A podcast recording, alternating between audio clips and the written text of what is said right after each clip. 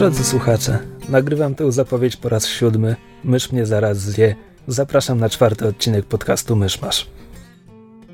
Gospodarzami podcastu Myszmasz są Krzysiek Ceran, redaktor portalu Avalon. Kamil Borek ze studia Kobart. i Mysz, autorka bloga Mysza Mówi.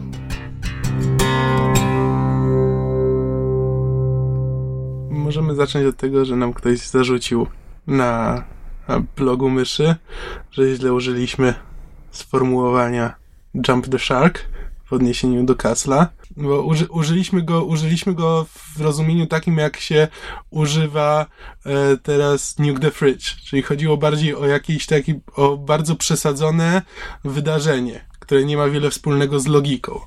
Mimo, że jakby jumping, e, Jump the Shark to znaczy, y, znaczy moment w serialu, w którym serial zmienia się tak bardzo, że jego widownia dotychczasowa przestaje mieć z nim cokolwiek wspólnego i przestaje się nim interesować. Ja dzisiaj poczytałem definicję tego Jump the Shark w internecie. I tak, no, fraza bierze się od serialu Happy Days, który w Polsce był chyba nieznany, a w którego w pierwszym odcinku piątej serii postać dotąd tam prawie drugoplanowa przeskakuje na nartach wodnych nad rekinem i od tego momentu serial coraz bardziej skupia się na tej postaci, która robi tam coraz bardziej zwariowane rzeczy. Ale ten serial przez cały ten sezon jeszcze zachowywał wysoką oglądalność, więc to nie jest tak, że ten punkt, w którym przeskoczył nad rekinem, to był koniec serialu, tylko, i to jest właśnie, jak sprawdzałem definicję, mm, hasło ma, jest hasło na Wikipedii, które tam dokładnie opisuje o co chodzi, skąd się wzięło i tak dalej. Chodzi o to, że to jest moment, w którym później można prześledzić jakby upadek serialu do jakiegoś momentu, że to nie jest, to nie jest punkt krytyczny, tylko to jest moment, który zwiastuje, że potem będzie już tylko coraz gorzej.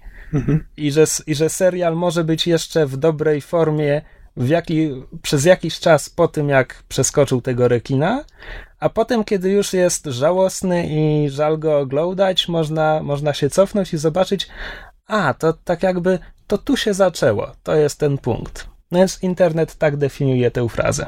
To w sumie Castle jeszcze ma szansę stać się takim zgodnym z definicją Jump the Shark, dlatego że w tamtej rozmowie za Jump the Shark, i to chyba nawet ja uznałam, ja, ja to tak określiłam, uznałam moment pojawienia się e, ojca Kasla, a właściwie jakby tego, kim jest ojciec Kasla. E, I od tego czasu muszę przyznać, że każdy kolejny odcinek jest e, może nie coraz lepszy, ale naprawdę trzyma bardzo dobry poziom. To znaczy wszystkie odcinki od czasu tego dwuczęściowego spojrzenia, znaczy przeróbki e, filmu Taken z, z które ekipa Kasla zrobiła, od tego czasu wszystkie odcinki są bardzo dobre.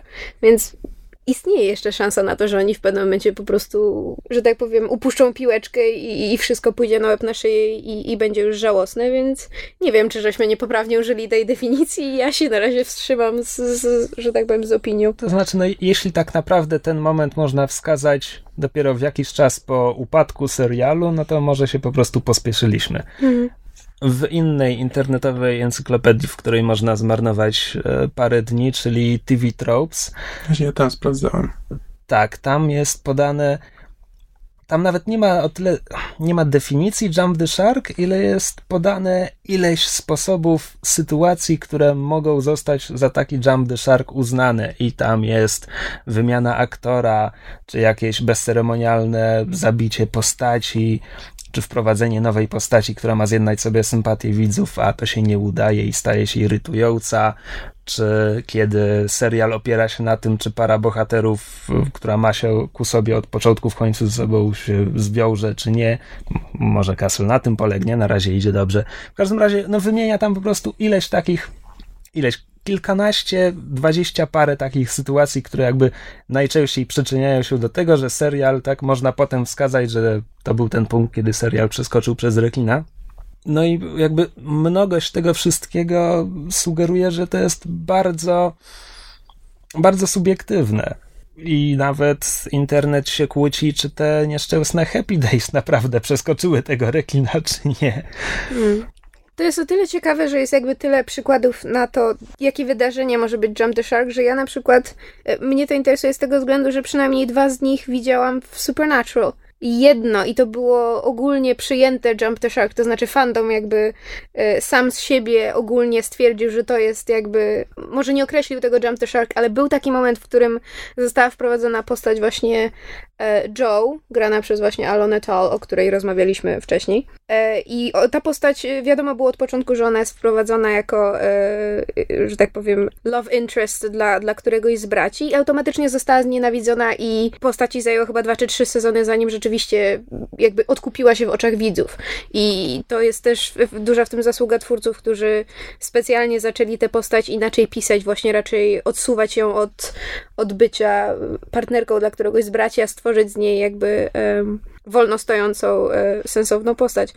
A z kolei drugi taki moment, i w tym prawdopodobnie będę odosobniona, bo to jest tylko moje zdanie, jest e, wprowadzenie postaci Castiela. Dlatego, że dla mnie wprowadzenie, mimo mojej ogromnej e, skądinąd sympatii dla Castiela, uważam, że wprowadzenie tej postaci było, e, że tak powiem, jednym z największych błędów twórców. No ale mówię, z, z, tego co zdążyłam zauważyć w tej, w, tym, w tej kwestii jestem odosobniona od reszty fandomu. Nie znam Supernatural, nie mogę skomentować. Tak, wiem, to się wytnie. Nikt już nie ogląda Supernatural, tylko ja. ja też oglądam Supernatural. Mi akurat Castiel tak bardzo nie przeszkadza. Przy czym rzeczywiście jakby odkąd nam wprowadzili cały wątek walki między aniołami i demonami i wokół tego zaczął się serial kręcić, a nie wokół polowania na kolejne potwory, to rzeczywiście to już nie jest ten sam serial, który był na początku. No i tylko pytanie, czy jeśli komuś się to podoba, to będzie oglądał dalej, ale to nie jest, to nie jest powód, dla którego się zaczęło oglądać ten serial mówisz, że serial zaczął dotyczyć konfliktu nieba z piekłem. To jest kolejny przypadek e, Jump the Shark, kiedy serial nagle zmienia formułę, zaczyna opowiadać o czymś innym niż, niż dotąd. Znaczy to akurat to jest, to jest standardowy to jest zabieg w serialu, bo w, każdy, w wielu serialach masz tak, że zaczyna się jako e, procedural, że każdy odcinek jest osobną historią i nie ma żadnej fabuły, a potem, a potem jak już masz na tyle dużo widzów, którzy i tak oglądają z tygodnia na tydzień i nie musisz, nie musisz się liczyć z tym, że y, widz, jeśli zacznie oglądać od czwartego odcinka, to musi wiedzieć o co chodzi, tylko już po prostu zakładasz, że ci, którzy chcieli oglądać ten serial, to go oglądają regularnie, to wtedy można wprowadzić jakieś właśnie wątki fabularne, które się ciągną przez cały sezon. I to jest, i to jest stały motyw w każdym praktycznie serialu. House tak zaczynał. W House'ie też było tak, że każdy odcinek był osobny, nie było żadnej fabuły i tam powoli od drugiego sezonu czy od trzeciego zaczęły się pojawiać jakieś wątki, które się potrafiły ciągnąć po potem przez kilka, przez kilka odcinków, albo nawet przez pół sezonu, cały sezon. Pierwszy dłuższy wątek w chaosie masz już w pierwszym sezonie, kiedy pojawia się Vogel, czyli ten e, przedsiębiorca, który inwestuje w szpital i zaczyna kontrolować e, zarząd szpitala i chce wywalić Hausa. Pół sezonu dotyczy tego konfliktu. Pierwszy sezon? To nie jest chyba pierwszy, to jest pierwszy sezon. sezon. No, tak czy inaczej, no, ale nadal, jeśli nawet to było, to na pewno to było, to na pewno to była końcówka pierwszego sezonu. No tak. No tak. Znaczy, w Supernatural jest ta kwestia, że um, z jednej strony, tak jak Kamil mówił, znaczy my na przykład uważamy, że ten konflikt nieba z piekłem jest e, troszeczkę przesadzony i jakby Supernatural nie od tego zaczynało, ale kwestia jest taka, że e, owszem nie od tego zaczynało, ale zawsze miało na tym skończyć, to znaczy Eric Kripke, twórca Supernatural, miał rozplanowane pięć sezonów, a konflikt nieba i piekła się chyba pojawia w czwartym albo w piątym. Przypomnijcie mi, który jest teraz? Ósmy. Co się, co się stało przez ostatnie trzy sezony? Bracia Winchesterowie umierali kilkanaście razy i wracali, bo to jest normalne. Byli w niebie, byli w piekle, byli w czyśćcu, byli gdzie ich nie było. E, sam był opętany przez Lucyfera. Co jeszcze było? Lewiatan był. Le, lewiatany, tak, były. Castiel, Castiel uwolnił lewiatany, potem zabili lewiatany, a teraz ogólnie wszyscy szukają glinianych tablic ze słowem Boga. I, i, i... Te, które mają zamknąć wrota piekieł tak. zawsze. I Crowley wreszcie stał się naprawdę świetną postacią, bo on wcześniej to on był... Crowley wcześniej był taki fajny i zabawny i fajnie było z niego sobie pożartować. A ja teraz autentycznie zaczęłam się Crowleya bać, znaczy jako, jako tego złego w serialu. E, a wracając do tego, co mówiłam... E, ten konflikt między niebem a, a piekłem był planowany od początku.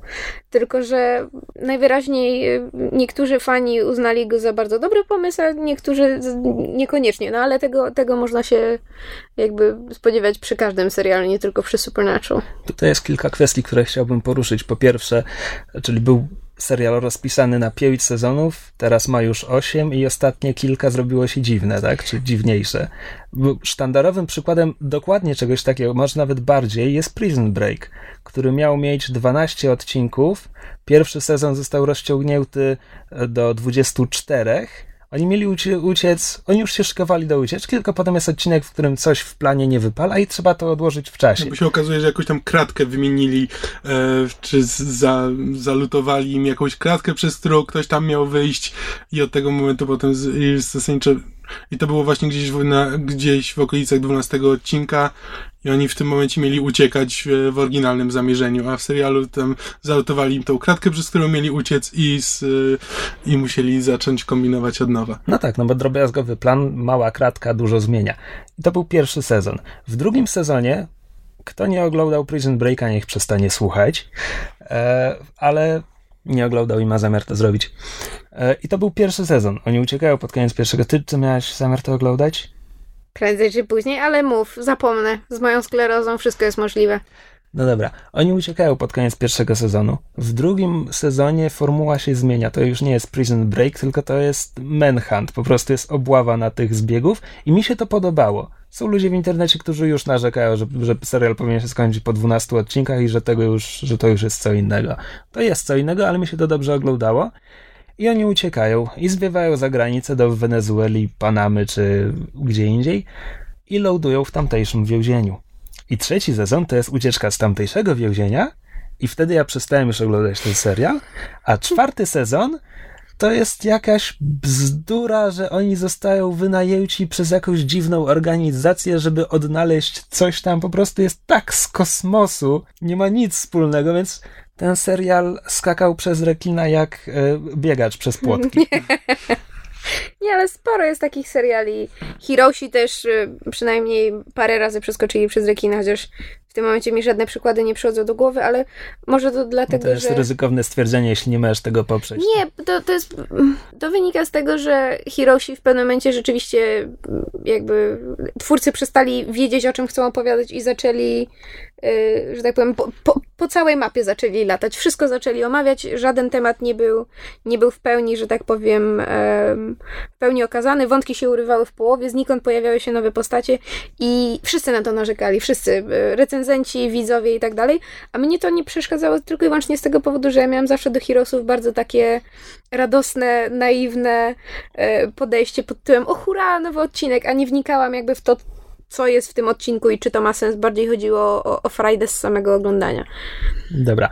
Druga kwestia, którą chciałem przy tym poruszyć, to jest, że to jest bardzo subiektywne, tak? Czy serial skacze przez rekina, czy nie. I wszystko zależy moim zdaniem od tego, czy to będzie dziwna metafora, ale czy on ustaje loadowanie po tym skoku. W sensie, czy to się da oglądać, czy suma summarum e, rezultat jest na plus, bo powiedzmy Buffy. Buffy jest dla mnie unikalnym serialem. Tam jest, wszystkie postaci są rozwijane. Główni bohaterowie, drugoplanowi bohaterowie. Kiedy ten serial się kończy, żadna z tych postaci nie jest tą samą osobą, którą była, kiedy serial się zaczynał. On ciągle ewoluuje przechodzi tak jak Kamil mówił o różnych serialach. Zaczyna się od zwykłego Monster of the Week, potem pojawiają się wątki, które są przez wiele odcinków prowadzone przez cały sezon. E, zmienia się trochę grupa głównych bohaterów, trochę się zmienia. Jakiś jest sezon, który jest już bardziej komentarzem społecznym niż jest o polowaniu na wampiry. Jest bardzo. On się ciągle zmienia i to wszystko działa. Natomiast można sobie wyobrazić, że znaczy, według mnie to wszystko działa.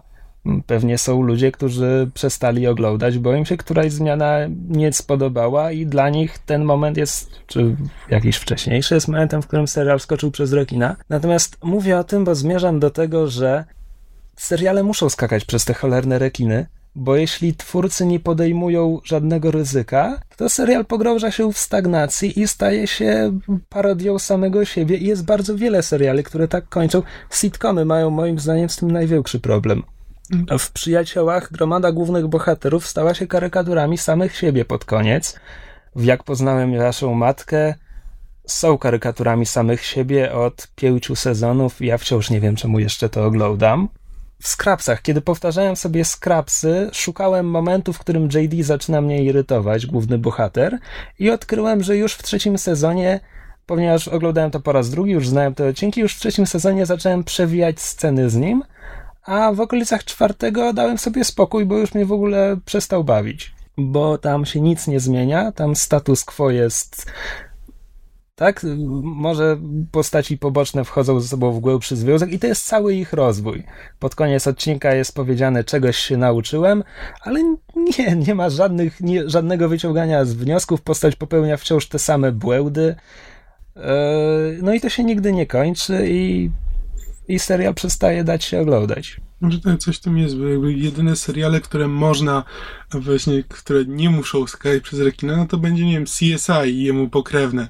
Znaczy, jeśli masz po prostu każdego tygodnia masz jakąś tam sprawę do rozwiązania i masz serial kryminalny, no to pewnie to można po prostu co, co tydzień włączasz, oglądasz nową sprawę, tak naprawdę te postaci wcale nie są tam szczególnie, e, szczególnie ważne, tylko są bardziej po to, żeby wyciągać jakieś tam wnioski i informować o nowych, nowych informacjach, że masz speca od tego i speca od tego, żeby mógł powiedzieć, że znalazł taki dowód albo taki dowód, no i te postaci nie mają tam większego znaczenia. Nie, nie oglądałem dokładnie CSI, ja tam obejrzałem jakiś jeden sezon, ale tak naprawdę to, to, nie jest, to nie jest serial, który by opowiadał o tych postaciach. To jest po prostu serial, każdego tygodnia masz jakąś tam nową historię. Czekaj, o którym CSI mówimy, bo ich jest chyba z pięć. Ja CSI Nowy Jork, CSI Miami, CSI Las Vegas, Czyli CSI Mińsk, CSI Moskwa.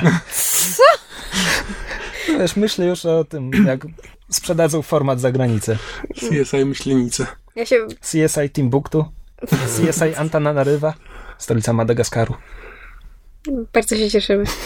Ja miałam w ogóle pytanie, e, skoro mówimy o subiektywnym odbiorze, bo tak, tak powiedziałeś o tym, że że jakby Buffy jest y, dla ciebie wyjątkiem, bo właśnie y, postacie na koniec serialu jakby nie są tymi samymi, które były na początku. No, po prostu wszystkie zostają rozwinięte. Znaczy tak, no w sensie, no, że przechodzą, prawda, swoją drogę. E, a moje pytanie było takie z, z czystej ciekawości, bo wspominałeś wcześniej o chaosie, znaczy w ogóle porozmawialiśmy wcześniej o chaosie i tak się zaczęłam zastanawiać, czy właściwie postacie w tamtym serialu pod koniec były inne niż na początku i trudno mi dojść do jakichś wniosków. Znaczy, dobrze, postacie e, powiedzmy, znaczy nazwijmy to drugoplanowe, czyli całej tej ekipy, czyli tam Może Foreman zacznijmy i... od ostrzeżenia, że po, polscy widzowie jeszcze nie widzieli ostatniego sezonu. E, niektórzy widzieli, niektórzy nie no, widzieli. polscy widzowie oglądający w telewizji polskiej. Tak, no ale y, mówiąc ogólnie, że jakby Foreman i, i, i, prawda, reszta tej młodsza część ekipy, no przeszła jakąś tam drogę się zmieniła, ale Wilson i House... Wilson jest dokładnie tą samą postacią. House... On po drodze miał, były podkreślone cechy, które go uczłowieczają.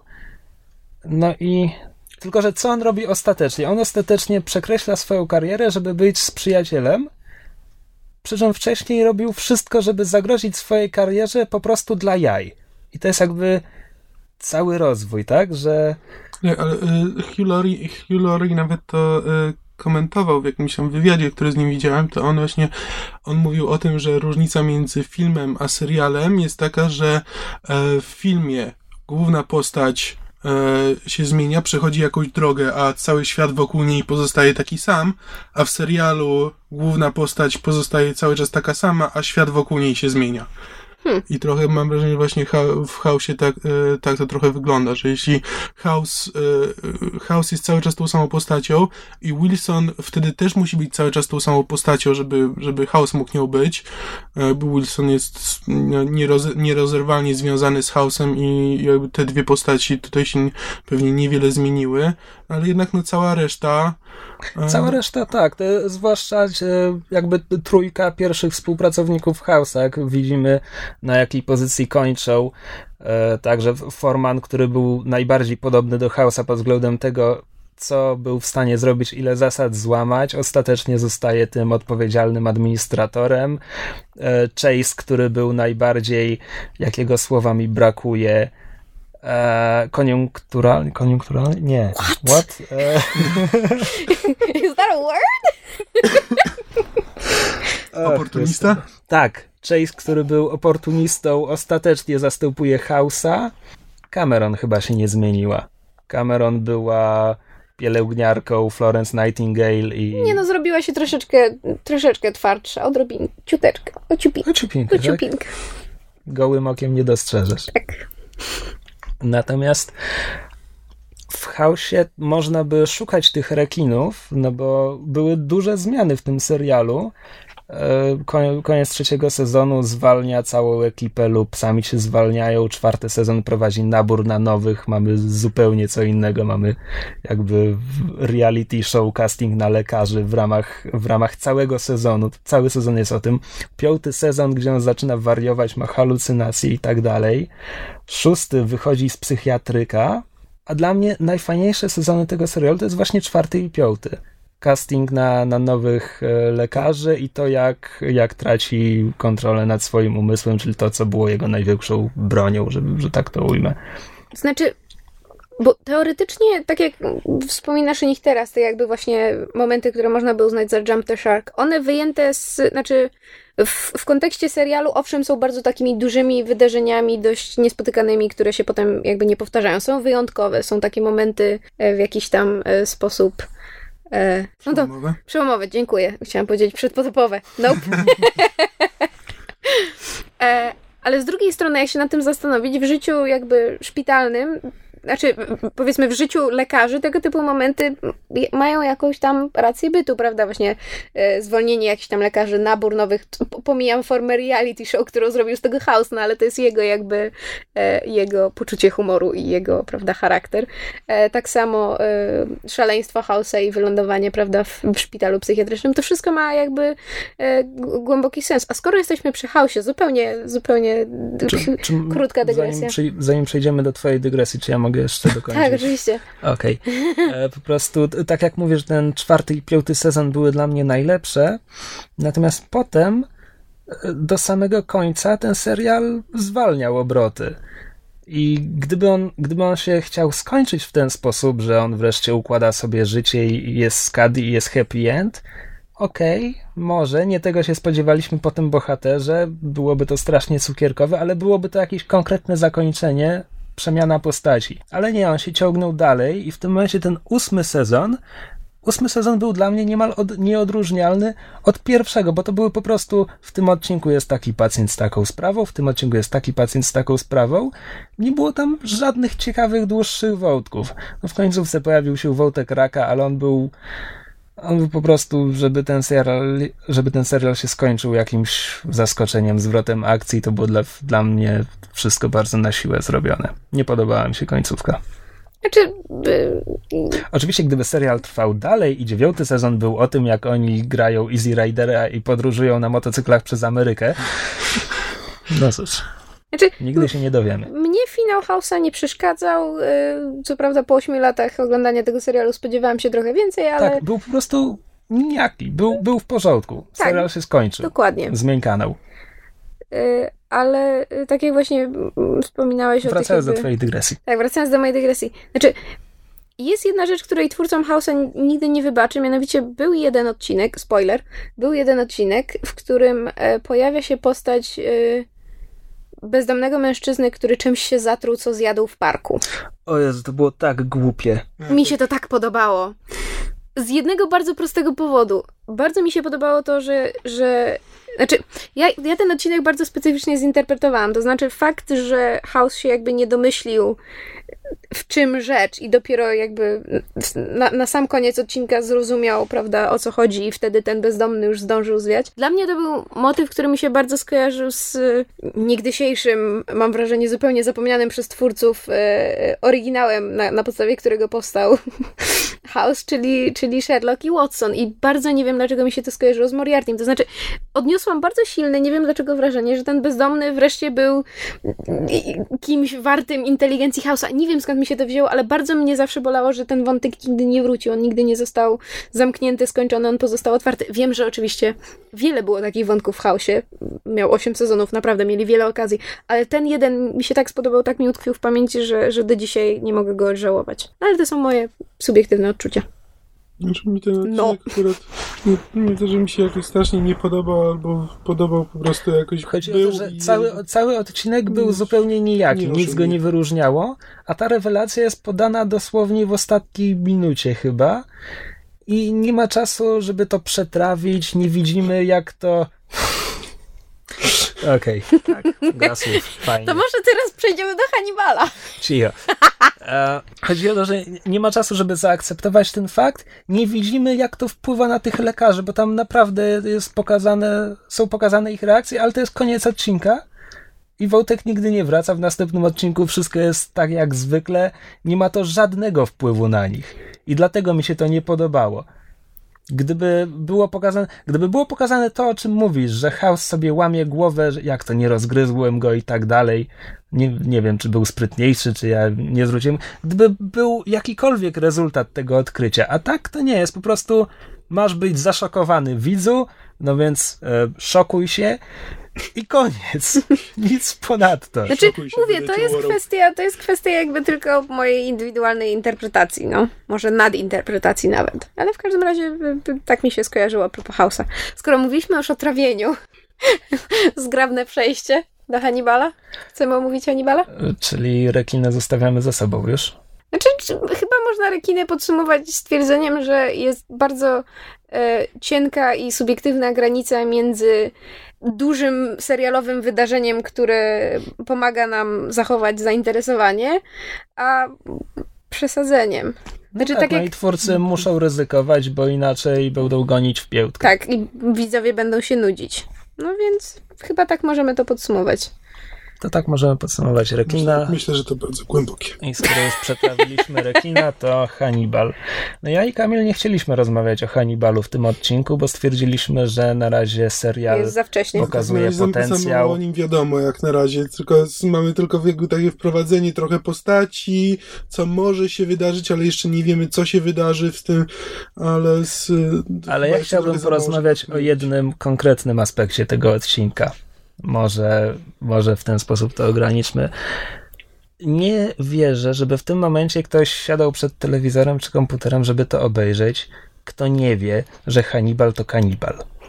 I w tym momencie przedstawianie postaci przy tych wszystkich posiłkach, to przygotowywanie jedzenia, celebrowanie tego przez kamerę wydaje mi się strasznie nachalne.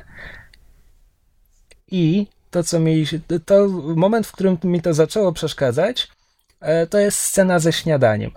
To znaczy, ok, jeśli Hannibal daje naszemu bohaterowi e, jedzenie, no to okay, oczywiście jest pytanie, ale czym on go karmi? Co jest w tej kiełbasce? I to jest w porządku. Kto jest w tej kiełbasce? To jest w porządku, nie, ma, nie mam z tym problemu. Ale jeśli kamera tak celebruje tę kiełbaskę i pokazuje nam to jedzenie, i to jest wszystko, ta scena obraca się wokół tego posiłku. No, gdyby to nie był Hannibal Kanibal, tylko gdyby to był inny film, inny serial, to była kwestia, nie wiem, że on polizał tę kiełbaskę wcześniej, tak? Że to jest jakiś sztubacki dowcip.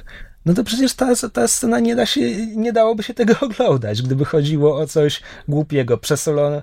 Nie wiem, przypomina, przypomina mi się y, scena z filmowego Daredevila, gdzie najlepszy przyjaciel głównego bohatera y, podmienia sól i cukier, żeby on sobie posolił kawę. Nie wiem, czemu nasz niewidomy bohater przyjaźni się z tym, z tym panem, ale mniejsza z tym, a Ben Affleck, ponieważ jest Benem Affleckiem i ma nadludzkie zmysły, e, zamienia z powrotem tę solniczkę i, i tamto, no i tak, i ten, kto pod kim dołki kopie, sam w nie wpada. Pięknie. No i ta scena w Hannibalu z tym mi się skojarzyła. To znaczy, to jest tak nachalnie podane, że masz się widzu zastanawiać, czy nasz bohater teraz je człowieka. Nie podobało mi się to po prostu. Y, bo samo to, jak ta scena została nakręcona, nie, nie sam fakt tego manewru, no bo oczywiście, że to musiało się zdarzyć. Może nie już w pilocie, ale wiadomo. Znaczy, żeby było śmieszniej, nie, nie jesteś e, odosobniony w tym, e, nazwijmy to zarzucie, bo właśnie przeczytałam już parę takich opinii, że fakt, że Hannibal jest kanibalem jest zbyt łopatologicznie wyłożony w serialu. A ja się, też, ja się z tym nie zgadzam. Ale ja już o, ostatnio zaczęłam wszędzie podkreślać, że ja jestem czymś, co nazywam naiwnym widzem. To znaczy, jeżeli twórcy serialu, filmu, książki, czegokolwiek kupią mnie czymś, nieważne czy aktorem, czy muzyką, czy nie wiem, strojami, to ja jakby na resztę mam zawsze już troszeczkę bardziej e, przychylne spojrzenie. I mnie ta łopatologia nie przeszkadza, może dlatego, że z bardzo naiwnego powodu uważam, że są jeszcze ludzie, którzy nie wiedzą, że Hannibal jest kanibalem. To było już tyle razy parodiowane w tylu źródłach, jakieś no, możliwe. Kto, kto, kto ostatnio mi mówił, że nie widział żadnego filmu? No dobrze, nie widziałem żadnego filmu z cyklu, a doskonale wiem, że Hannibal to kanibal. No widzisz, a gdybyś się zapytał mojej mamy, podejrzewam, żeby nie wiedziała. A przecież to jest element popkultury, sam mówisz, że jest cały momencie, czas parodiowany. Przepraszam, w momencie, w którym pingwiny z Madagaskaru mają dowcip nawiązujący do Hannibala Lectera. Podejrzewam, że moja mama nie wie, że istnieje coś takiego jak pingwiny no, z Madagaskaru. Czy, podałam... czy twoja mama ogląda Hannibala? Moja mama ogląda telewizję, wszystko co w niej leci, więc miała szansę prędzej czy później trafić. Dobra. Ale nie, ale to no, oczywiście podaje przykład. Niż... Dobrze, ale... No tak, no może znaleźć się taki widz. Ale ja, ja, ja jakoś tak wcale... Znaczy, nie mam nic mądrego do powiedzenia, ale ja na przykład... Okay, słuchamy. tak, ale nie znam się, to się wypowiem. E... Nie, po prostu nie odebrałem naszego podcastu. Jest taka strona na Facebooku już. Kalender ja tej sceny tak nie odebrałem. Znaczy nie wiem czemu jest. Okej, okay, pierwsze, pierwsze moje zastanowienie się było, mm, że on przypadkiem mu nie podaje w tej kiełbasce czegoś, ten, ale potem no ta scena w ogóle o tym nie mówi. No potem sobie rozmawiają i po prostu ten, ten serial się jakby rzeczywiście skupia na jedzeniu, bo, bo wiemy, że Hannibal jest e, kanibalem i, e, i ale nie jest zwykłym kanibalem, tylko ten, tylko rzeczywiście celebruje e, celebruje to jedzenie i to nie jest tylko tak, że on sobie to je, bo jest psychopatą, tylko on wie z czym to jeść i z jakim winem i z, tak i z, e, i dokładnie i dokładnie sobie z tego zdaję sprawę i że ten serial będzie celebrował to jedzenie i że to będzie cały czas duży, e, duży wątek, ale jakoś, ale po chwili po prostu pierwsze było zastanowienie, czy on przypadkiem nie podaje czegoś w tej kiełbasce, ale potem właśnie czemu miałby to robić?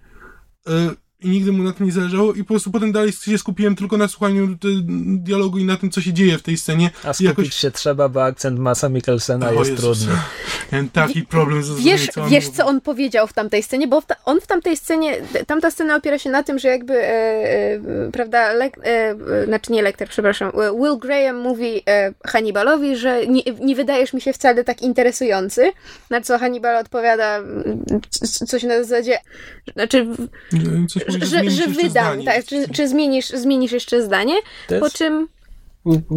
Konkretnie jakie słowa mówi w tym momencie, czy... Y nie, y, próbuję przejść dalej. Po czym, po czym y, Will się go pyta, a, a, kim według ciebie ja jestem? I w tym momencie e, Mads Mikkelsen jako właśnie lektor mówi jedno zdanie. Ja siedem razy słuchałam tego, co on mówi, żeby zrozumieć. I to jest, nie cytuję tutaj dokładnie, bo nie pamiętam dokładnie zdania, ale to było You are the mongoose I want under my stairs when a snake is nearby.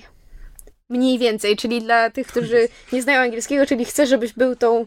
E, dobrze mówię, mangustą?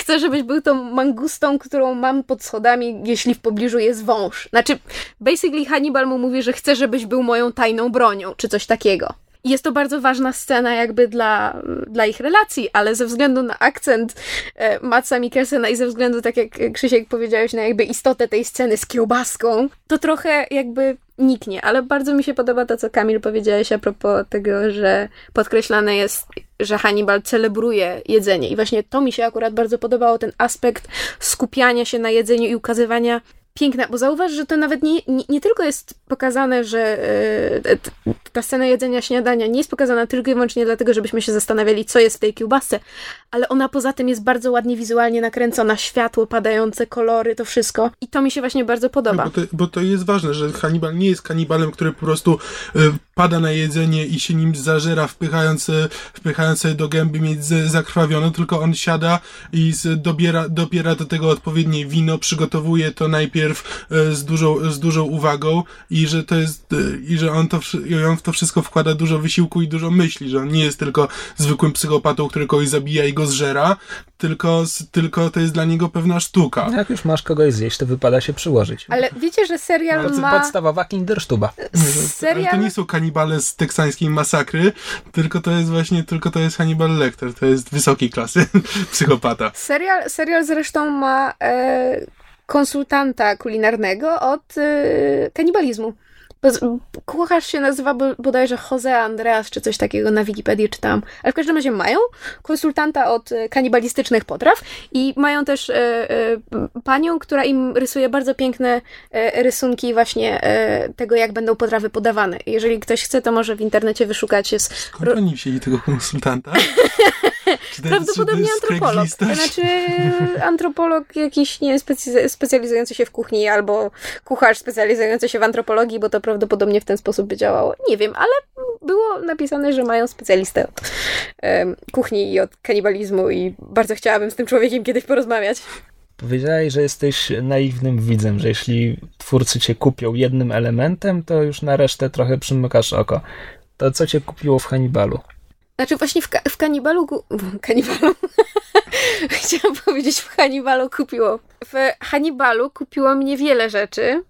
E, przede wszystkim właśnie jakby strona wizualna, e, za którą e, zamierzam jakby dziękować e, Brianowi Fullerowi, bo on jakby ma tendencję do widać, że on lubi wizualne, wizualną stronę przekazu, co chociażby e, można zauważyć w, w Pushing Daisies, biorąc pod uwagę, jakie tam jest e, nasycenie kolorów, jak on bardzo lubi się tym wszystkim bawić.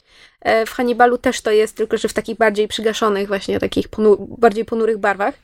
Ale przede wszystkim bardzo mnie kupił Hugh Dancy jako, jako Will Graham teraz, kiedy zaczęłam doczytywać na temat, e, zaczęłam czytać w ogóle Czerwonego Smoka i zaczęłam troszeczkę e, robić researchu na temat tej postaci i zaczęłam sobie przypominać filmy, które wcześniej z tą postacią e, wyszły, to widzę duże różnice, które w tej postaci zostały wprowadzone, ale bardzo mi się podoba, jak Hugh Dancy ją interpretuje.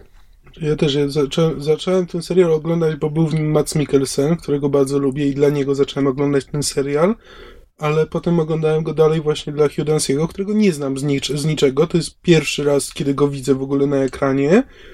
Nie przypominam sobie, żebym go gdziekolwiek widział, ale bardzo rzeczywiście mi się spodobało to i rzeczywiście czułem, było mi go, było mi go żal w pewnym momencie i rzeczywiście byłem w stanie odczuć to, co, to, co on przeżywa. I naprawdę mnie ruszyło mnie to, jak on to e, gra. Wiesz no, ja też nie znam Hugh Dancy'ego i też zacząłem oglądać Hannibala dla Mesa Mikkelsena, tylko że pod koniec odcinka pilotowego, pilotażowego, pod koniec pilota, pod koniec pierwszego odcinka Też zawsze mam ten problem. I pod koniec pierwszego odcinka wciąż oglądałem go tylko dla Messa Mikkelsena i kiedy Lektera nie ma na ekranie, to ja zaczynałem oglądać jednym okiem. Jakoś ten detektyw czy konsultant FBI nie różni się dla mnie niczym od tuzina innych genialnych detektywów z problemami, których widzieliśmy na ekranie w ciągu ostatnich paru lat. Może ja, to się zmieni. Ja tutaj w ogóle a propos Hannibala, to chciałbym, chciałbym się nad tym zastanowić, co takiego jest w socjopatach, co tak przyciąga e, widzów, bo coraz, coraz więcej jest, bo zaczęło się, zaczęło się chyba od House'a, i potem jakby kolejne jakby wersje właśnie Sherlocka właśnie też bardzo podkreślały e, podkreślały właśnie to, że e, on jest to, że on jest socjopatą. Nie szefowałabym określeniem socjopata. Bo, bo owszem, to może, może być termin odpowiadający niektórym postaciom, które obecnie lub wcześniej oglądaliśmy w telewizji, ale nie, nie, nie przesadzałabym z określaniem wszystkich postaci typu House socjopatami. Znaczy nie, no to jest jakby, no mamy że on jakby nie czuje empatii wobec innych ludzi, że nie jest w stanie się wczu wczuć w ich... E, o kim teraz mówimy? W ich rolę. O Sherlocku i o, o Sherlocku za, zarówno w Sherlocku BBC i w Elementary, że on nie jest, em, on nie ma empatii wobec innych. Nie, zgadzam się, że w Sherlocku BBC owszem e, można by go określić jako socjopata, ale absolutnie się nie zgadzam, że Sherlock w Elementary ma, ma, nie jest w stanie być empatyczny. Tak samo nie zgadzam się z tym, że House jest socjopatą. A przynajmniej Oczywiście może... żaden z nas nie jest psychologiem i nie mamy pojęcia, nie mamy żadnego, tak, znaczy. nie mamy, musielibyśmy je zgooglać. Nie mamy tak naprawdę żadnych podstaw, żeby, żeby yy, używać tego określenia. Możemy je używać. całą książkę o socjopatach. A, prawda. Ja chyba też czytałem tę książkę. Nic z niej nie pamiętam. Znaczy, ogólnie zgadzam się z tobą, jest coś takiego w, w postaciach yy, genialnych, e, antyspołecznych, nieprzystosowanych yy, zazwyczaj mężczyzn, bo u kobiet to jakoś nie, nie, nie funkcjonuje, przynajmniej nie zauważyłam takich postaci. Czy chcesz coś wtrącić na ten temat, Krzysiu? E, głupi dowcip seksistowski, z którego zrezygnowałem. E, faktycznie jakoś nie kojarzę genialnej kobiety na ekranie, e, czy genialnej w ten sposób, o którym mówimy. Ale to nie są tylko detektywi, nie tylko House Nie, nie, Sherlock. nie powiedziałam detektywi, ale jakby prostu... tego typu postać. Chciałem... Sheldon chociażby. Z The Big a, Bang Theory. A ja chciałem wspomnieć Amadeusza z Amadeusza. Geniusz, który zupełnie nie, nie rozumie e, kon, konwencji, którymi posługuje się tak, społeczeństwo, w którym, w którym funkcjonuje. Hmm. Nie, myślałam, że się skupiamy na serialach. Różne, e, bo jakby w serialach to nigdy nie będzie e, wzorowy socjopata, bo wzorowego socjopaty nie da się pokazać e, w sposób, na którym, w którym mogłoby nam na nim zależeć, więc oni zawsze są e, super dowcipni i mimo wszystko potrafią się, potrafią się przełamać i wykazać jakimś tam myśleniem o innych. No, mimo wszystko jakby taki podręcznikowy socjopata jakby doskonale rozumie konwencje, on, y, on, doskonale, on doskonale rozumie konwencje i potrafi właśnie nimi manipulować, ale po prostu nie jest w stanie ich sam, nie jest w stanie odczuć jakby pewnych, y, w tej książce, o której mówiłem. Y, Jaka to książka? Książka jest autorstwa Johna Ronsona i to pamiętam na pewno. A teraz zaraz dojdziemy do tytułu. To nie był The Psychopath Test. A tak, to się po prostu nazywało The Psychopath Test. To jest to, co kupujesz w Nowym Orleanie? Tak. I to jest, i to jest właśnie, i on właśnie tam opowiada, jak się spotkał z takim, spotkał z, z jednym z takich psychopatów, który, z jedną z osób, które zostały zdiagnozowane jako psychopata i wykazywały skłonności. Psychopata I, czy socjopata? Dwie różne e, rzeczy. Właśnie nie. Znaczy, według tego, co on tam opowiadał i według tego, co się w psychiatrii, e, w psychiatrii uważa, nie ma tak naprawdę funkcjonalnej różnicy między socjopatą i e, psychopatą. Że oni wykazują dokładnie te same cechy. Ktulu miłosierny już sobie wyobrażam sprostowanie do tego odcinka, które będziemy musieli zamieścić w internecie. Rzucimy tylko definicję socjopatii. Socjopat... Tak, od razu ustalmy, że żadne z nas nie jest tutaj psychologami i tak. że... E, nie mamy pojęcia, o czym mówimy. Ja chciałem powiedzieć, że w tej książce on właśnie jak rozmawia z jednym z tych psychopatów, to on, e, on właśnie tłumaczył, e, co zrobił i dlaczego to zrobił i w pewnym momencie się rozpłakał.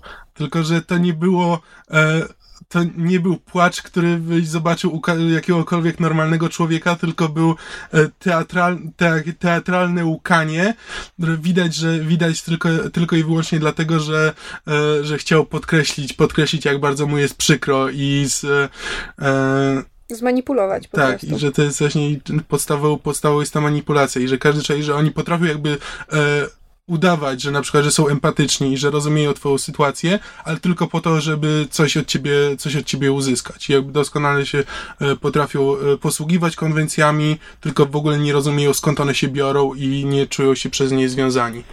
No i fajnie. A zacząłeś tę rozmowę, czy ten segment rozmowy od pytania, czemu, czemu są tacy popularni, czemu lubimy ich oglądać na ekranie.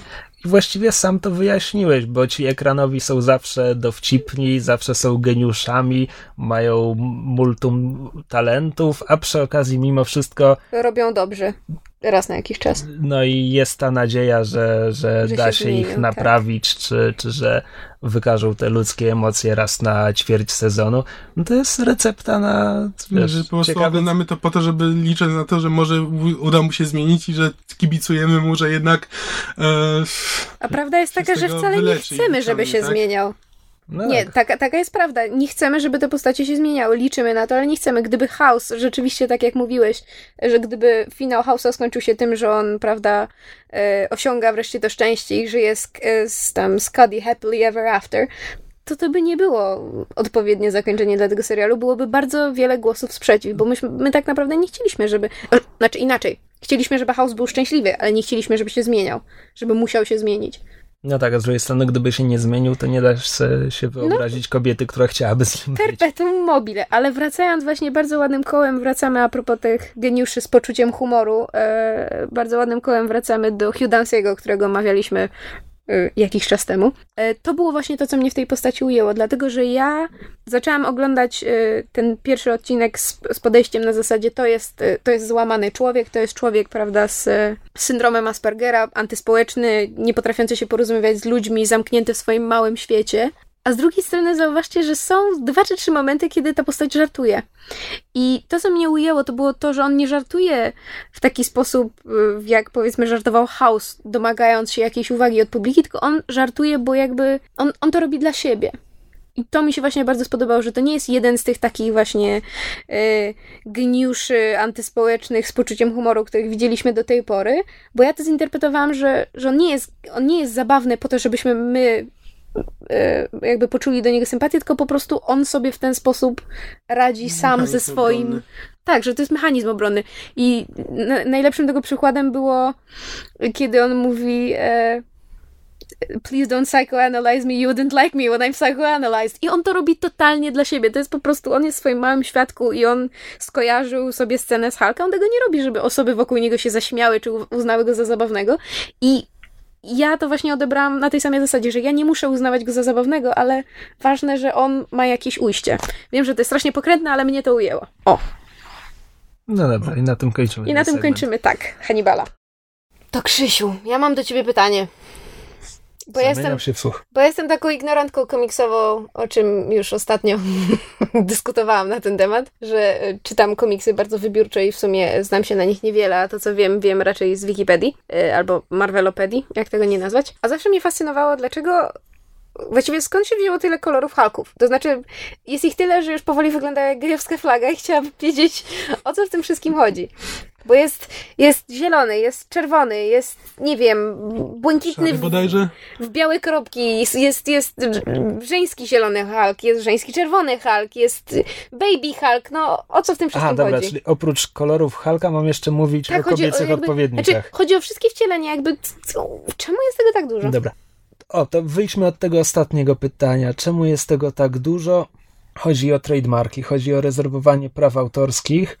E, już w latach 30., 40., jak się pojawiali tamci bohater, superbohaterowie komiksowi, regułą było, że mieli swoich, czy to młodocianych pomocników, czy e, odpowiedniki e, innej płci, gdzie podstawą jest trademark. To znaczy, jeśli ty masz Halka, no to musisz mieć też She-Hulk, żeby konkurencja tego nie zrobiła. Stout Superman, Supergirl, Batman, Batwoman, która przepadła w pomroce dziejów, dopóki nie pojawiła się parę lat temu na nowo jako e, lesbijka. Żydowska lesbijka. Żydowska lesbijka. Bardzo Kocham fajna to. postać. Strasznie to mi się to podoba. I bardzo fajny komiks swoją tak? drogą. U, to w takim razie zdobędę go, koniecznie. No więc e, kobiece halki właśnie, właśnie z tego się biorą. Mhm. To jest źródło. A teraz do kolorów. W najprostszym ujęciu Hulk występuje na zielono, najbardziej tradycyjnie, i na szaro, i na czerwono. I od razu trzeba powiedzieć, że czerwony Hulk to jest inna postać. Zielony i szary to jest jedna postać, e, Bruce Banner, Pofarbowani. Czerwony to jest nowy Hulk, parę lat temu się pojawił i on jest, e, to jest generał Ross, czyli ten wojskowy, który zawsze ściga Bannera. Czyli jego arch nemesis właściwie. Nie do końca. Nie do końca? On go ściga z poczucia obowiązku, a także trochę prywatnie, bo jego córka kocha Bannera. O tym chyba był ten film z... Yy, Erikiem Banu? nie, z Nortonem. Nortonem? G Generał Ross pojawia się w Obu. niemal każdej adaptacji Hulka, w Avengers go nie ma. Nie, Natomiast ale, ale, był... ale, w tej e, adaptacji z Nortonem był, był właśnie ten wątek, że on go ściga, ściga przez tak. to, że właśnie jego córka E, jest zakochana w banerze. Tak. I w ekranizacji Angali poprzedniej też był generał Ross, też ścigał banera i wtedy grał go Sam Elliot, który na ekranie gra zazwyczaj kowbojów. Także generał Ross pojawia się w prawie każdej adaptacji przygód Hulka i to on został czerwonym Hulkiem. tylko że ponieważ na początku jego tożsamość była sekretem przez pierwsze kilkanaście zeszytów serii, e, Czerwony Hulk nie ma wąsów, a Generał Ross ma wąsy. I to zawsze w tej transformacji generał Ross gubi wąsy, żeby stać się czerwonym Hulkiem. Jak zmienia się z powrotem w człowieka, to mu znowu rosną wąsy. Okay. I to nigdy nie zostało wyjaśnione, tak po prostu jest. Także czerwony Hulk to jest inna postać. Natomiast zielony i szary to są jeden i drugi to, to jest alterego Bruce'a Bannera.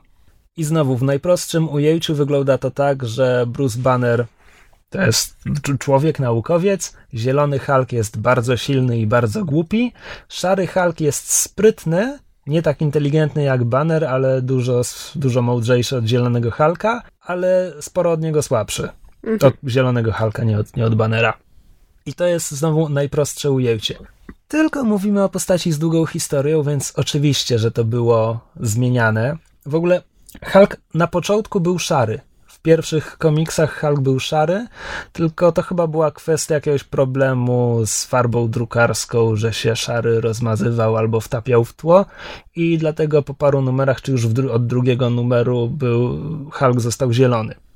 Także to, taka jest prawda. Geneza. geneza.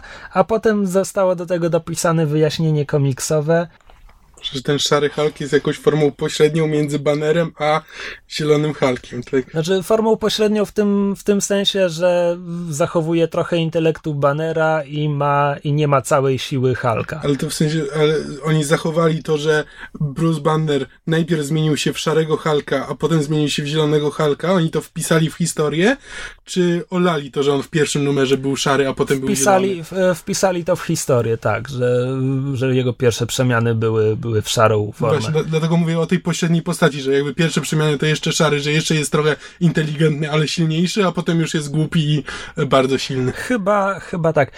Potem to się komplikuje, bo tak, jeden autor dopisał taki wątek, że Banner był bity przez ojca w dzieciństwie yy, i że miał, miał problemy w dzieciństwie. I potem inny autor, Peter David, jeden z moich ulubionych scenarzystów komiksowych, to rozszerzył. E, że te problemy e, Banera w dzieciństwie doprowadziły do problemów psychologicznych i że Banner miał napady szału już w dzieciństwie i że Hulk tak naprawdę narodził się wtedy, że, że Hulk jest, jest w jego umyśle, że ma, e, jaka jest naukowa nazwa rozdwojenia osobowości? Dysocjacyjne zaburzenie osobowości.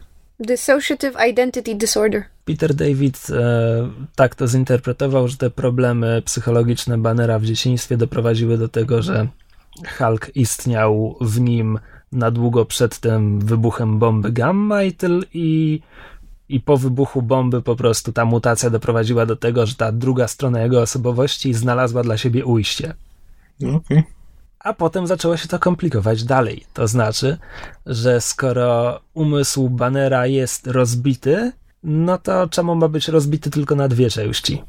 I się okazało, że tych części jest więcej, i tutaj pojawia się szary Hulk na scenie, który e, po tym, jak się po raz pierwszy objawił na nowo, udało mu się w ogóle zablokować tę przemianę na jakiś czas, że on przez parę miesięcy był tylko sobą szarym Hulkiem, banner w ogóle się nie, nie pojawiał, e, zablokował również zielonego Hulka, potem banner znowu się pojawia, wspólnie tam nie chcą dopuścić, żeby zielony wrócił, bo mimo wszystko jest bardziej niszczycielski od szarego. Szary w międzyczasie to jest bardzo dziwny wątek.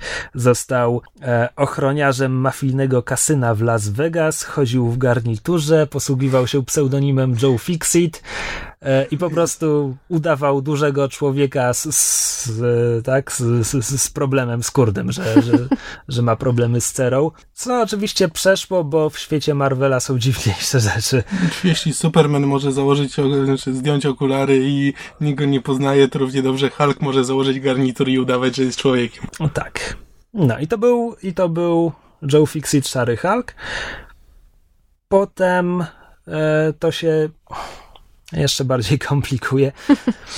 E, w ogóle niedawno, parę miesięcy temu, od paru miesięcy ukazuje się w Polsce tak zwana wielka kolekcja komiksów Marvela wydawnictwa Hachette. Co dwa tygodnie w kioskach i empikach pojawia się nowy tom i w ramach tej kolekcji ukazał się tom Hulk Niemy Krzyk. I to jest właśnie wycinek historii e, Petera Davida, w której ten wątek przemian Banera w Hulka szarego, zielonego oraz ten wątek jego problemów w dzieciństwie odgrywa istotną rolę. Fajny komiks, warto sięgnąć. Okay. A potem kolejni scenarzyści, nie, nie kolejni, jeszcze Peter David dalej to komplikował, bo e, psychoterapeuta superbohaterów Marvela, dr Samson, pomaga Hulkowi i jednoczy osobowości Banera szarego i zielonego i w tym momencie Hulk jest zawsze Hulkiem silny i zielony, ale mądry. Potem ta przemiana wariuje e, i on jest tak, zawsze jest duży, zielony i mądry, ale okazuje się, że, że nie jest uleczony, tylko ten umysł wciąż ma drugą stronę i kiedy wariuje, kiedy szaleje i zamienia się w toczącego ślinę banera. Jest po prostu zamknięty w, w słabym ludzkim ciele i, i, kompletnie, kompletnie szaleje. Nie wiem dlaczego bardzo mi się podoba to rozwiązanie. No to, to był fajny pomysł, to, to, to, to było krótko. Wcześniej jeszcze Peter David wrócił do starego wątku z Szarym Hulkiem, że on się zamieniał w Hulka w nocy, że to już nie było zależne od emocji, tylko po prostu jak wilkołak się nocą zamieniał w Hulka. E, potem był jeszcze element, gdzie kiedy z Banera zamieniał się w Hulka, to jak wąż zrzucał skórę, ta przemiana rozrywała mu skórę. Po prostu e, on tych transformacji, te, te transformacje przechodził na różne sposoby. Potem jeszcze doszły kolejne osobowości. Okazało się, że ten duży, silny, zielony intelektualista to nie jest uleczony baner, tylko kolejna strona jego osobowości. To, to dopisał inny autor już. No. Potem inni autorzy po Davidzie zaczęli to bardziej komplikować. E, w ciągu ostatnich paru lat Hulk został wysłany w kosmos, żeby już nie robił problemów na Ziemi i trafił na planetę, gdzie został niewolnikiem, potem gladiatorem, potem królem. To jest, you know, that old classic. Bardzo fajna historia, ale tam znowu był zielony, ale jakby trochę bardziej inteligentny, więc jakby ten Hulk też dostał swoją nazwę, że to też jest jakaś inna osobowość. E, był odczepiany od Banera przynajmniej ze dwa razy. Kiedy to się stało ostatnim razem, to się okazało, że Hulk jest normalny, a Banner oszalał, został szalonym naukowcem. Także wracając do wyjściowego pytania, w najprostszym ujęciu jest... Jakie było wyjściowe pytanie? Jest baner, który zamienia się w zielonego głupiego Halka, a czasami jest szary i w miarę inteligentny. Jest czerwony Hulk, który jest inną postacią. A teraz wracamy do tych She-Hulk. Kompletnie o nich zapomniałam. She-Hulk. She-Hulki? Jest, jest ich parę. Damskie Hulki. E, pierwsza She-Hulk e, to jest kuzynka Bannera, która zostaje przypadkiem postrzelona, kiedy Banner jest w okolicy i Banner daje jej transfuzję ze swojej krwi, co powoduje, że ona może się zmieniać przy czym zazwyczaj nie wariuje tak jak e, oryginalny Hulk, tylko pozostaje inteligentna, tylko nie ma zahamowań w swojej zielonej postaci, e, dlatego jest chyba najbardziej wyzwoloną seksualnie superbohaterką Marvela. Zresztą... Tylko wtedy, kiedy jest wielka i zielona. Tak. Okej. Okay. Nie mam więcej pytań. Bardzo mi się podoba ta kombinacja. Wyzwolona, wielka i zielona. Brzmi jak tytuł jednego z zeszytów. Tak, a do tego jest prawniczką. to już w ogóle. Potem pojawiła się druga zielona She-Hulk, która jest, i to jest bardzo skomplikowane, córką wojowniczki z dystopijnej przeszłości, w której mm, kobiety toczą wojnę z mężczyznami. I ta wojowniczka z tej dalekiej Oczywiście. przyszłości cofnęła się w czasie, żeby pobrać mhm. DNA Hulka tak. I tam ta She-Hulk narodziła się z in vitro i potem też trafiła do na teraźniejszości Marvelowej. Aha, okay. aha. Banał. Kontynuuj, tak. kontynuuj, Oczywiście. nic nowego. Move on. E, I... Mam kuzynkę, która miała podobnie. Nothing to see here. I do tego jest jeszcze czerwona She-Hulk, która jest to banalne e, córką czerwonego Hulka. Czyli Betty, Betty Ross, czyli ta ukochana Banera. Banera. Potem jego żona również. A Baby Hulk. O co chodzi z Baby Hulk? Jaki Baby Hulk? Nie ma Baby Hulk? O kurczę, są. Ale patrz, on nie powiedział są, jest! Właśnie, są! To jest jak Pokemony. Ale jak tak dalej, jak tak dalej pójdzie, to my nigdy nie skończymy. Dobra. E, to... Ile ich jest? Dwa. Nie mów więcej, że dwa. Dwóch lub troje. Już wyjaśniam. E, to jest coś, co się zaczęło e, w ostatnich latach. Po tej historii, gdzie Hulk był w kosmosie, potem wrócił na Ziemię, okazało się, że w kosmosie zostawił dzieci. Oczywiście. E... Każdemu się zdarza zapomnieć. Zapomniałem jak kluczyki w samochodzie. Cholera, zostawiłem dzieci w kosmosie. E... Zostawiłam żonę na gazie. Z, z, pewną, z pewną kosmiczną królową miał dwóch synów, tylko że ona zginęła, e, kiedy jeszcze była ciężarna, więc on o nich nie wiedział, ale ponieważ ta kosmiczna królowa miała jakąś starożytną moc, która ją łączyła z ziemią jej oczy, ojczystej planety, to umierając wtopiła się w ziemię, a potem z tej ziemi wyłonił się syn Halka. Sztuk jeden?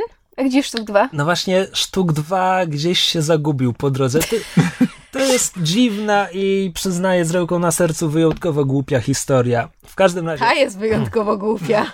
W każdym razie ten syn, który pierwszy się pojawił w komiksach, przyjął imię Scar. E, jakoś bardzo szybko dorósł do na oko 8 czy 9 lat. Nie, to nie jest wyjaśnione. To nigdy nie zostało wyjaśnione, czy czas na tamtej planecie inaczej biegł, czy czy on po, pro... no, po prostu. Po prostu, po prostu on się urodził mając 8 albo 9 lat. Au. To jest banalne, on po prostu tak jak Hulk zamienia się w dużego, muskularnego faceta, tylko że ma włosy do ramion i korzysta z miecza. Także Hulk skrzyżowany z Konanem. Cześć, ale to syn syn Halka jest, wygląda jak ludzki chłopiec, tak? E, nie, ma szarą skórę i czarne oczy. W sensie nie ma białek tylko. Aha, w ten sposób. No bo jest synem Halka i kosmitki, więc wygląda no tak. jak przedstawiciele tej a, kosmicznej no, rasy. Oczywiście, a ja głupi. Oczywiście. To jest Scar i on zazwyczaj biega po prostu jako duży muskularny, dopóki jakiś e, scenarzysta sobie nie przypomni, że jest małym chłopcem i czasami przywraca mu postać małego chłopca. Hmm. Szczerze mówiąc nie pamiętam, czy on też się transformuje pod wpływem gniewu. Chyba tak.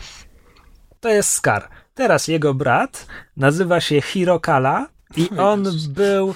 On wyglądał po prostu jak kosmita tej rasy, co, co jego matka, czyli szara skóra, czarne oczy. On się nie zmieniał w nic, natomiast odziedziczył tę moc, co jego matka miała, co go wiązała z, z ziemią rodzinnej planety i coś tam. Zapuścić korzenie. Mniej więcej. On bardzo szybko zwariował. E, próbował podbić jakiś świat w innym wymiarze i coś tam, coś tam, coś tam. Historia Aha. kończy się tak, że Banner go zabił. O. Okay. I to są dwaj synowie Bannera względnie Halka. I do tego jest jeszcze Carmilla Black, która jest córką Moniki Rapp-Pacini, która przewodzi jednej z wielu Marvelowych organizacji terrorystycznych. E, ma jakąś dziwną moc, jest odporna na trucizny i potrafi zaaplikować trucizny jakoś tam mm, atakując. I jest podejrzenie, że jej ojcem jest Banner, tylko że mm, miał już niby się spotykać z jej matką jeszcze w koledżu, czy coś tam, gdzieś tam i to nie jest wyjaśnione, czy ona na pewno jest jego córką, więc może należy do tej rodziny, a może nie. I to są wszystkie Halki.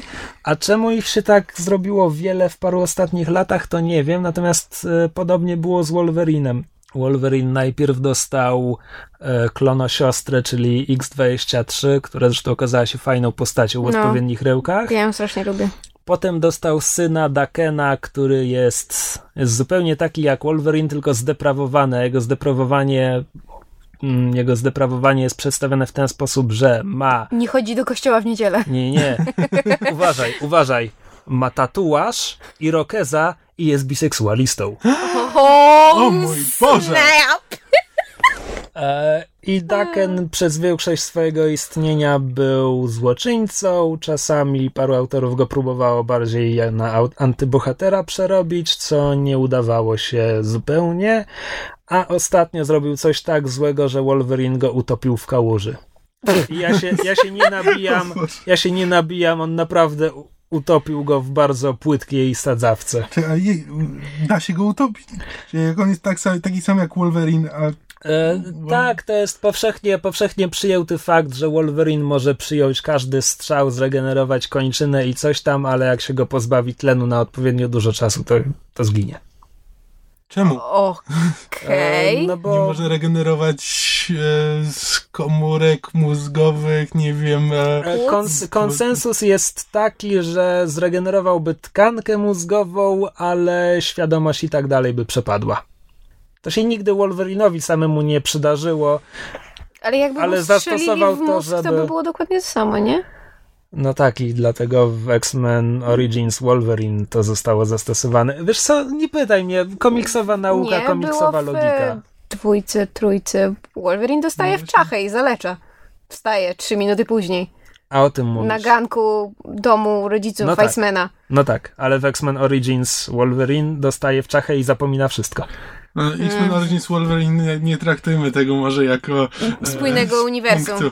E, Okej, to nie możesz traktować komiksów jako wspólnego komi- Dobrze, może inaczej. 40, 40 lat historii, setki autorów, sprzeczne pomysły.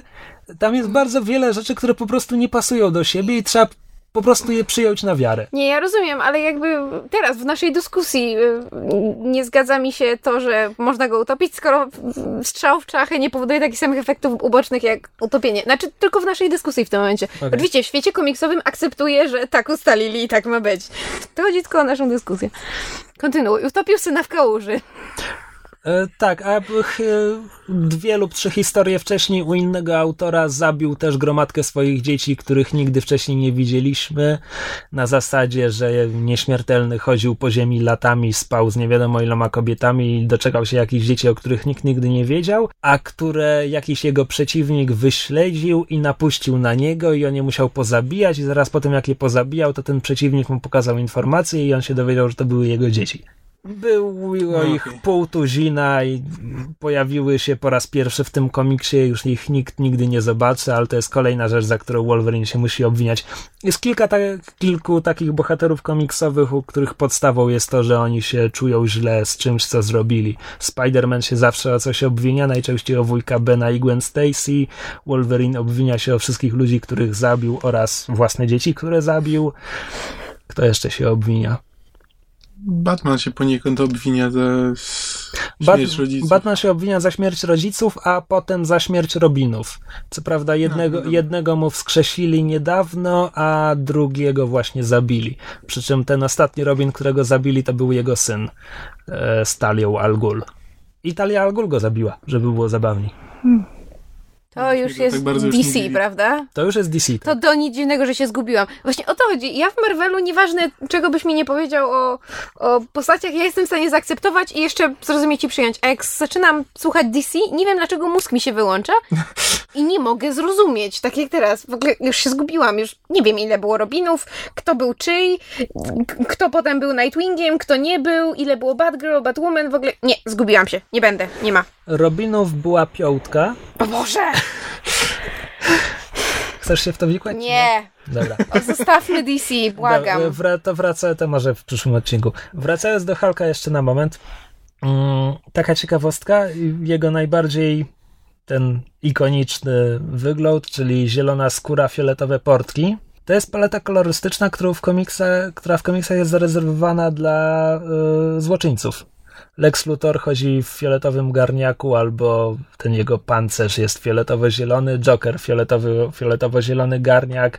W Marvelu jest taki przeciwnik Avengers jak Kang Zdobywca, też zieleń i fiolet.